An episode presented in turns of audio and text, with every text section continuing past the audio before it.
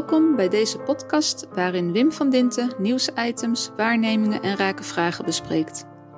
Veel zaken worden pas echt interessant als je dieper graaft en daar kom je altijd een laag van betekenisgeving tegen. In de podcast van deze week hoor je het audiospoor van de vlog van Wim van Dinten over journalistiek en media in de Wasstraat. Als Wim de krant leest, valt hem op wat de meeste van ons ontgaat. Hij maakt zichtbaar wat in de media en journalistiek weg is en wat we hard nodig hebben om te begrijpen hoe het met ons en de wereld gaat.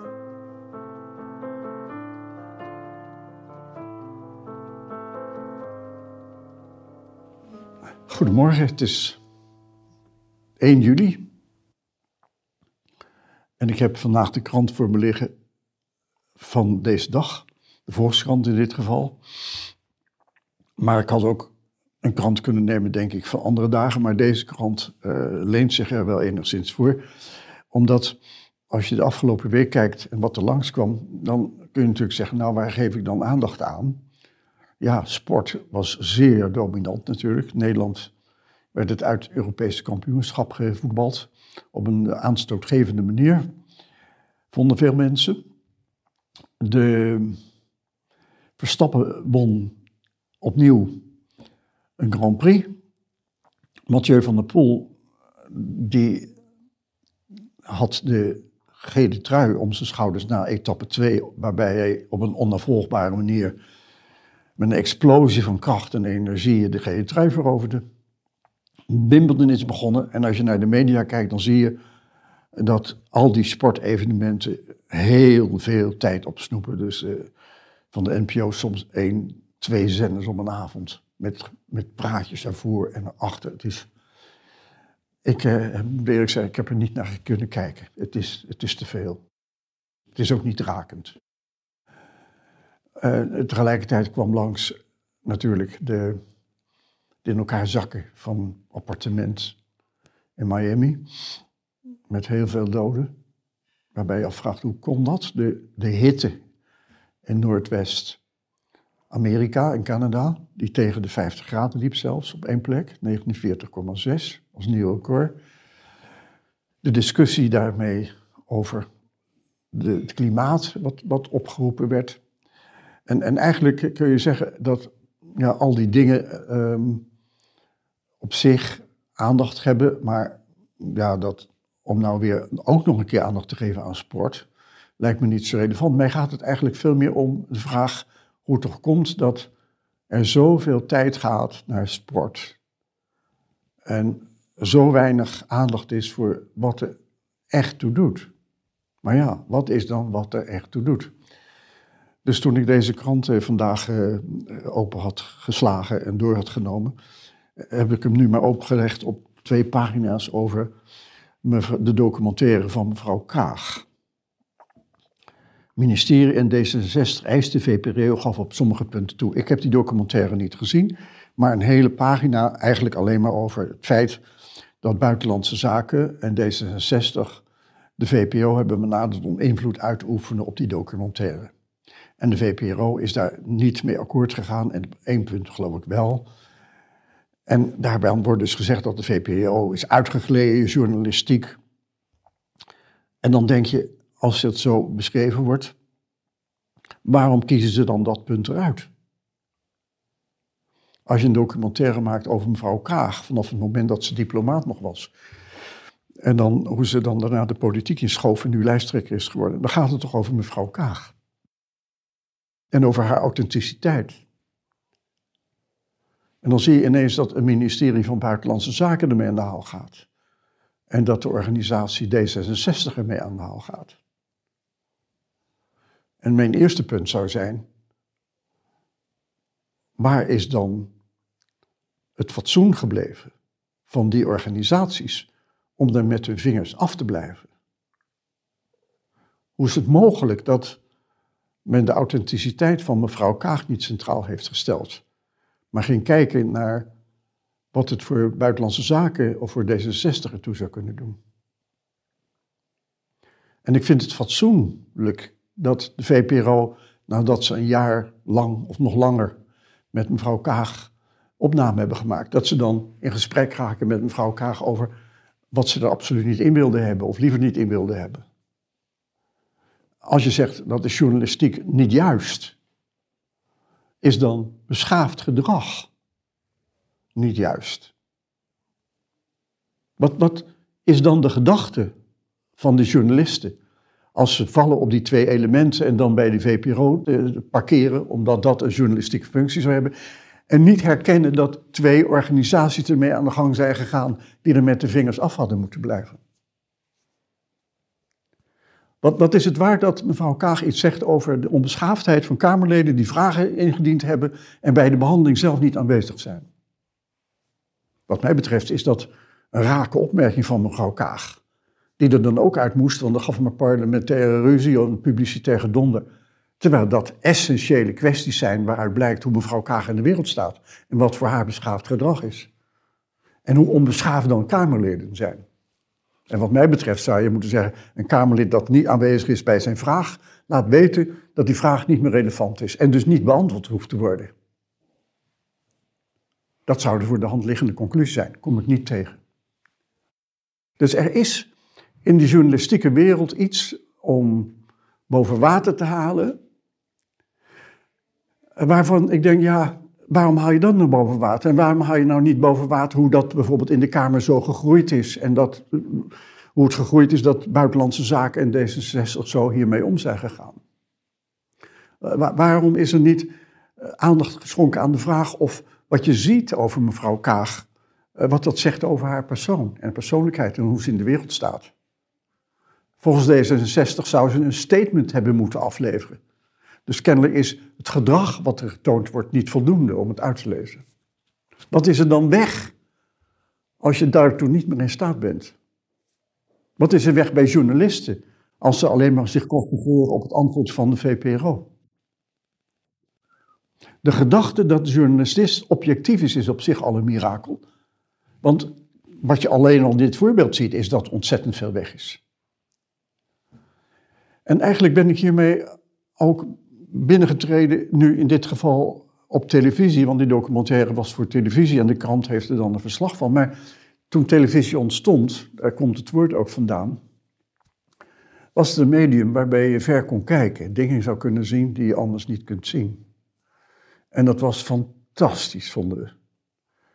En in het begin was het nog zwart-wit en daarna kwam er een kleur bij. En toen satellieten kwamen, kon je de wereld zien. En wat er dan gebeurt in Australië, op dat moment dat jij het ziet, uh, terwijl dat uh, eh, 12 uur tijdverschil heeft, is, is wel miraculeus natuurlijk. Maar tegelijkertijd laat dat ook zien dat je de context van wat je ziet, je ruikt het niet, je beleeft het niet, je weet niet wat, hoe er gemanipuleerd is, dat die context weg is. Dat leent zich, nou, leent zich natuurlijk een sportevenement voor, want dat is wat je ziet. En die context doet er dan niet zoveel toe. Ja, het verhaal over de sporter misschien, dat doen ze dan ook, dat vertellen ze dan ook wel.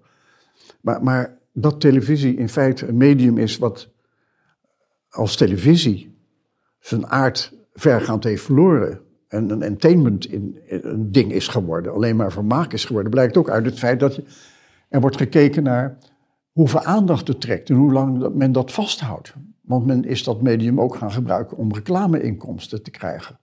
Het is gecommercialiseerd. En het kijkcijfer laat dan zien hoeveel aandacht er is geweest. En dat is voor reclame essentieel, want als er jongere kijkers kijken en je wilt reclame erop hebben voor de jeugdige doelgroep, dan betaal je speciaal voor die doelgroep een, een bepaald tarief. En dat geldt ook voor ouderen. Je, je komt dus in de situatie te zitten dat het kijkcijfer is gaan domineren hoeveel mensen er kijken en wat de doelgroep is om er baten uit te halen. Wat past bij een commerciële omroep, maar natuurlijk niet bij een publieke omroep. Wat, wat wil je daar dan zien? Daar wil je op zien wat er voor de samenleving toe doet, wat er voor mensen toe doet, hoe iets evolueert. En dan wil je ook kunnen herkennen wat de oriëntatie is van de journalist. Wat de oriëntatie is van de presentator. Je wilt achter dat behang wat het medium geeft kunnen kijken. Daarvoor moet het kijkcijfer bij de publieke omroep worden afgeschaft.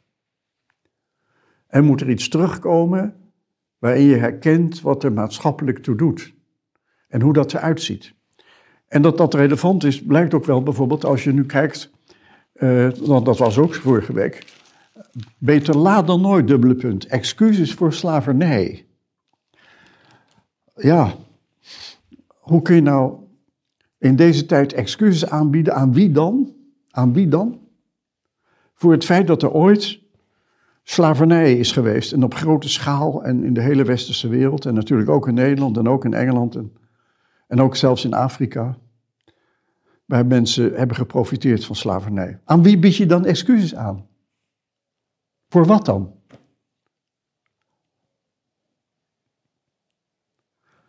Het feit dat je iets uit zijn context haalt, dat het de tijd waarin het ontstond niet meeneemt, maakt het mogelijk om te zeggen dat je nu excuses aanbiedt over slavernij.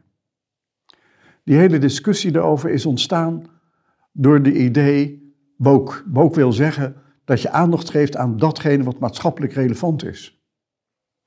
Maar wat maatschappelijk relevant is, hangt volstrekt af van de oriëntatie die mensen hebben. Dus als je nu herkent dat mensen uitgaan van zichzelf en dat ze hun rationaliteit mogen gebruiken, dat ze vanuit die oriëntatie naar alles kijken en dus wat in evolutie is ontstaan en wat sociaal is ontstaan, niet meer meenemen, dan kun je zeggen, nou dat hele gedoe over slavernij is hartstikke fout en dat is het ook, geen twijfel over. Maar dan plaats je het niet meer in de context van die tijd waarin het ontstond. En dat kun je alleen doen als je een oriëntatie hebt waarin dat wat in het verleden ontstond niet wordt meegenomen. Dus ook de invloed van slavernij nu, daar je hele verhalen over kunt houden. Hoe ziet dat er dan uit? En als je er iets van hebt geleerd, zou je dan ook zo omgaan met vluchtelingen als wij nu doen? Of met mensen die berooid zijn en zorg nodig hebben? Of is het juist zo dat als ik uitga van mezelf en mijn rationaliteit gebruik, dat ik daar helemaal niet meer aan toe kom, maar wel een plaatje in mijn hoofd heb hoe het eruit zou moeten zien? Als ik denk aan journalistiek en wat ik nu vandaag in de krant lees, en de krant van vandaag is dan vandaag, maar je kunt elke dag wel de krant opslaan om verhalen te houden zoals ik nu houd, met voorbeelden te over. Dan, dan, dan zie je dat er iets weg is in de wereld van de journalistiek wat er verschrikkelijk toe doet. En dat daar doorheen loopt een element van een medium dat al of niet iets mogelijk maakt.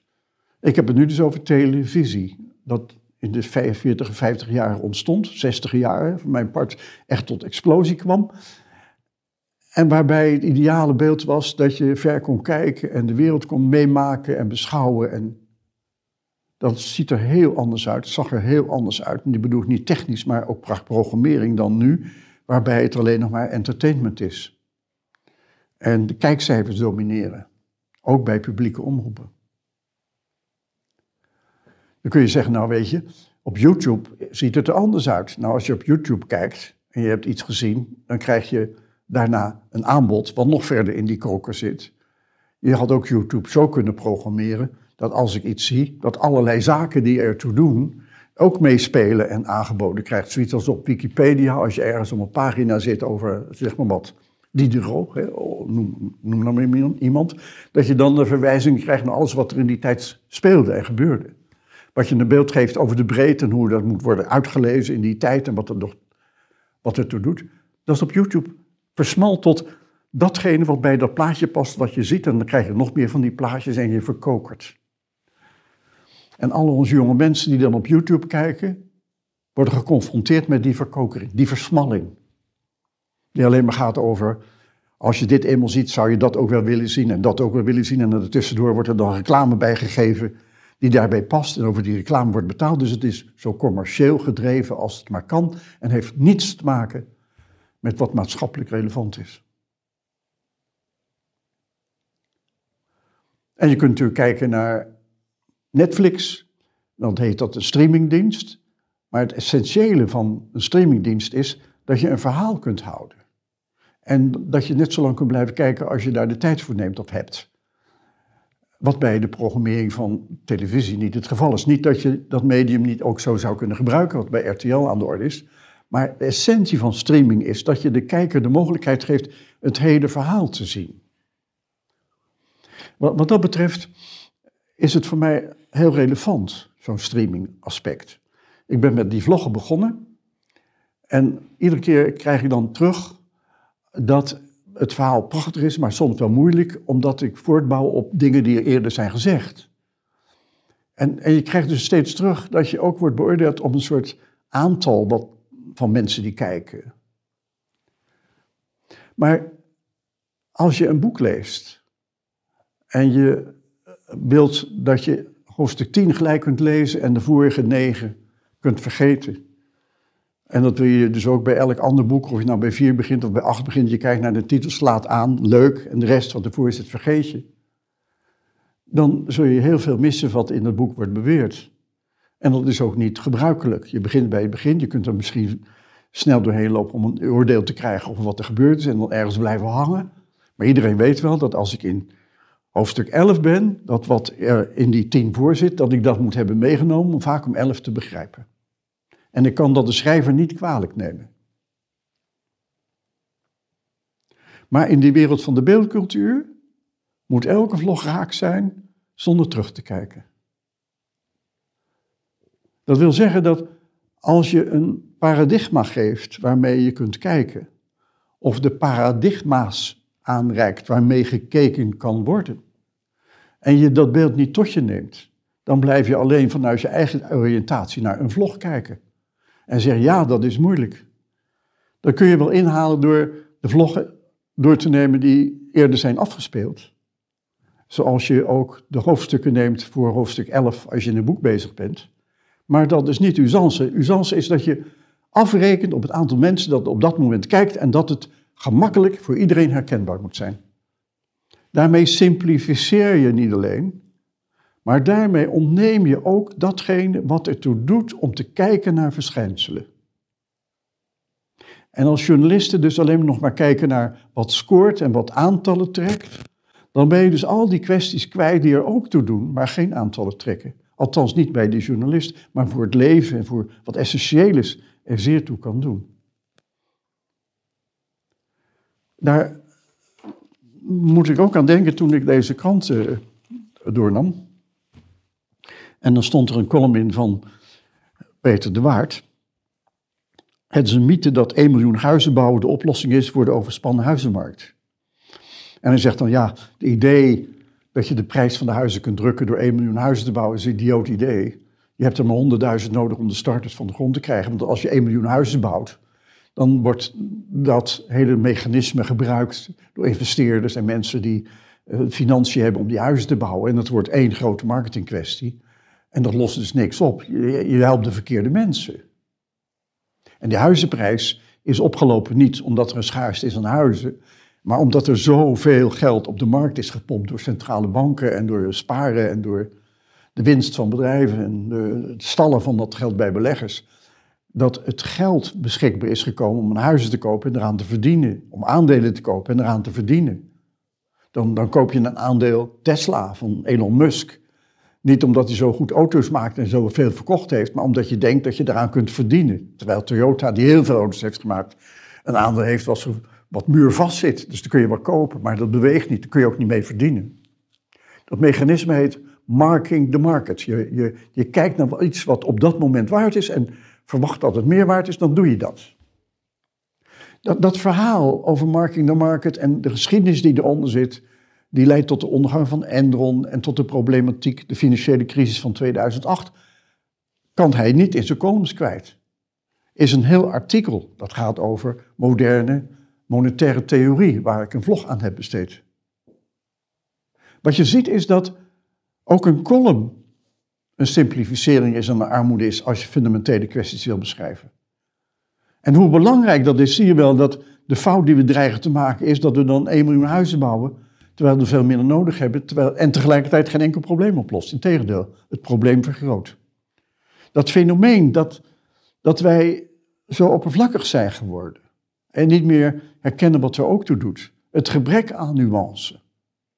Het verloren raken van wat er voor mensen en voor al wat leven toe doet, kom je ook terug in dezelfde krant in een artikel van mevrouw Eva Rovers. Het klimaat staat in brand, erger dan we dachten. Maar waar zijn de journalisten die dat alarmerende IPCC-rapport melden en duiden? En zij noemt dan op, de boodschap was te lezen in de El País, Le Figaro, The Guardian, de Frankfurter Allgemeine Zeitung en Le Soir. Maar niet in Nederland. Wellicht omdat het een lek was, of omdat het een conceptrapport was. Maar het is zo belangrijk dat je dat wel moet melden. Maar hier in Nederland kwam dat niet langs. Hoe komt het dat dat niet langskwam? Dat komt, wat mij betreft, omdat evolutionaire betekenisgeving in de journalistiek niet meer is terug te vinden. Dan kijk je niet naar hoe mevrouw Kaag in het leven staat, hoe dat is geëvolueerd, maar dan moet ze een statement afleggen. Een verhaal, een rationaliteit uiten om te vertellen hoe ze in de wereld staat. Dan zie je niet meer hoe iets gegroeid is. En hoe dat weggeraakt is. Dat kijken vanuit een groei naar wat ontstaat. En dan zie je dus dat in dat verhaal van het IPC, IPCC staat: het leven op aarde kan zich wel herstellen van de grote klimaatveranderingen, maar door te evolueren tot nieuwe soorten en nieuwe ecosystemen te creëren. De mensheid kan dat niet. Als je niet in de gaten hebt dat evolutionair betekenisgeef de grondslag is van alle leven, als je dat niet ziet, dan raak je zoveel kwijt. Dan raak je ook kwijt de schoonheid van wat om je heen groeit. Dan raak je kwijt hoe bijzonder het is dat wij op deze planeet konden ontstaan. Dan kun je niet opbrengen het gewicht wat leven heeft en hoe je dat moet herstellen en moet zorgen dat het niet beschadigt. En dan, ja, dan kun je natuurlijk wel naar meneer Baudet gaan en zeggen: Meneer Baudet, u vindt dat het helemaal niet relevant is wat we nu doen, dat we niks hoeven te beschermen, want de aarde zal zich wel herstellen. Maar meneer Baudet, wel zonder dat wij erop kunnen leven. Waar is het platform om die discussie aan te gaan? Met bijvoorbeeld Baudet, maar ook met anderen. Het verlies van het feit dat je kunt nuanceren, dat wat er ook toe doet voor mensen, zit in de hele krant van voor tot achter. Zit in alle media. En heeft niet zozeer te maken met de technologie, maar heeft te maken met het idee dat journalisten menen objectief te zijn en niet in de gaten hebben van welke oriëntatie ze uitgaan. Als ze al herkennen wat voor verschillen in oriëntaties er zijn. Dan zie je dat Netflix opkomt als streamingdienst en dat RTL nu Talpa heeft overgenomen, ook vanuit een streamingperspectief. Maar de essentie van streaming is dat je een verhaal kunt houden wat mensen kunnen afkijken en dat je dat verhaal dan zo houdt dat er wel context in zit. Dat je herkent in het verhaal hoe het is ontstaan. Ik, ik geef een voorbeeld van meneer Rooweder, die vermoord is. Hij was hoofd van de Trojhand om het bedrijf in Oost-Duitsland te saneren toen de muur viel. En hij werd vermoord en in die serie op Netflix krijg je vier verschillende manieren van kijken naar meneer Roweder. Waarom hij gekozen is, waarom ze dachten dat de RAF hem heeft vermoord, waarom je zou kunnen denken dat, dat, Stasi, dat de Stasi hem heeft omgebracht, dat je kunt denken over politieke stelsels die met elkaar in strijd zijn. Want meneer Roweder was een door en door geschoten rationalist, stond verstrekt in het kapitalisme. En die discussie daarover, die relevant is over dit soort kwesties, waarin je de context ziet, kon je op Netflix terugvinden, maar dan niet in een discussie, een reportage van documentaire-achtige aard, waarin heel veel fictie zit. En waarbij dat niet altijd duidelijk is wat de fictie is. Neem maar het Engelse Koningshuis, wat op die manier aan de orde komt. Maar wat het laat zien is hoe belangrijk het is dat mensen gewicht schenken aan context, aan wat er ook toe doet, aan wat er in sociale verhoudingen ontstaat. Dat is in deze tijd extra relevant, nu heel veel mensen uitgaan van de idee dat je het moet hebben in de krant over wat maatschappelijk relevant is. Maar als je niet in de gaten hebt vanuit welke oriëntatie je dat doet, en als je niet in de gaten hebt dat juist in deze tijd uitgaan van jezelf en rationaliteit de criteria zijn, de vormen van betekenisgeving zijn waarmee je kijkt, dan heb je ook niet in de gaten dat als mensen vanuit die oriëntatie iets aankaarten en belangrijk vinden, hebben ze niet in de gaten wat ze kwijtraken. En er ontstaat dan een discussie waarbij je kunt zeggen, ik kijk zo en dat is zo belangrijk dat de manier waarop jij kijkt niet mag. En je dus in die hele wereld van woke, datgene wat maatschappelijk relevant is, een soort verstarring krijgt van mensen die vinden dat wat zij vinden dogmatisch waar is en dat andere weg moet zijn. En het gesprek over wat ertoe doet en hoe je daar naar kijkt. Het laten zien hoe meneer Rutte in de wereld staat. In een discussie waarin de vragen worden gesteld die relevant zijn en ook de tijd wordt meegenomen en wat erin is ontstaan. Of dat nou Rutte is, of Kaag, of welke politicus ook, is extreem relevant. Ik denk dat een van de belangrijkste elementen om die reden die in een nieuwe regering zichtbaar moeten worden, is de aandacht voor wat in de media gewicht krijgt. De aandacht voor de kwaliteit van de journalistiek. De aandacht voor een publieke omroep die niet gaat lijken op een commerciële omroep, maar laat zien wat relevant is voor ons en voor de samenleving en voor al wat leeft. Het eerste regeltje wat bovenaan zou moeten staan is weg met de kijkcijfers. Terug naar een publieke omroep die laat zien wat er voor al het leven toe doet. En waarin je herkent hoe een journalist en een politicus in de wereld staat. Ik hoop dat u dat kunt onderschrijven. Dat zou althans mij een fijne dag geven, maar ik hoop u ook. Dank u wel.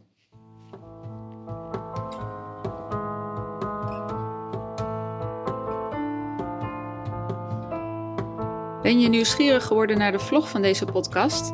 Klik dan op de link die je vindt in de omschrijving. Kom je iets tegen waar we met elkaar eens grondiger naar moeten kijken? Laat het ons weten. Stuur een berichtje naar czen, of via Facebook, LinkedIn of Twitter.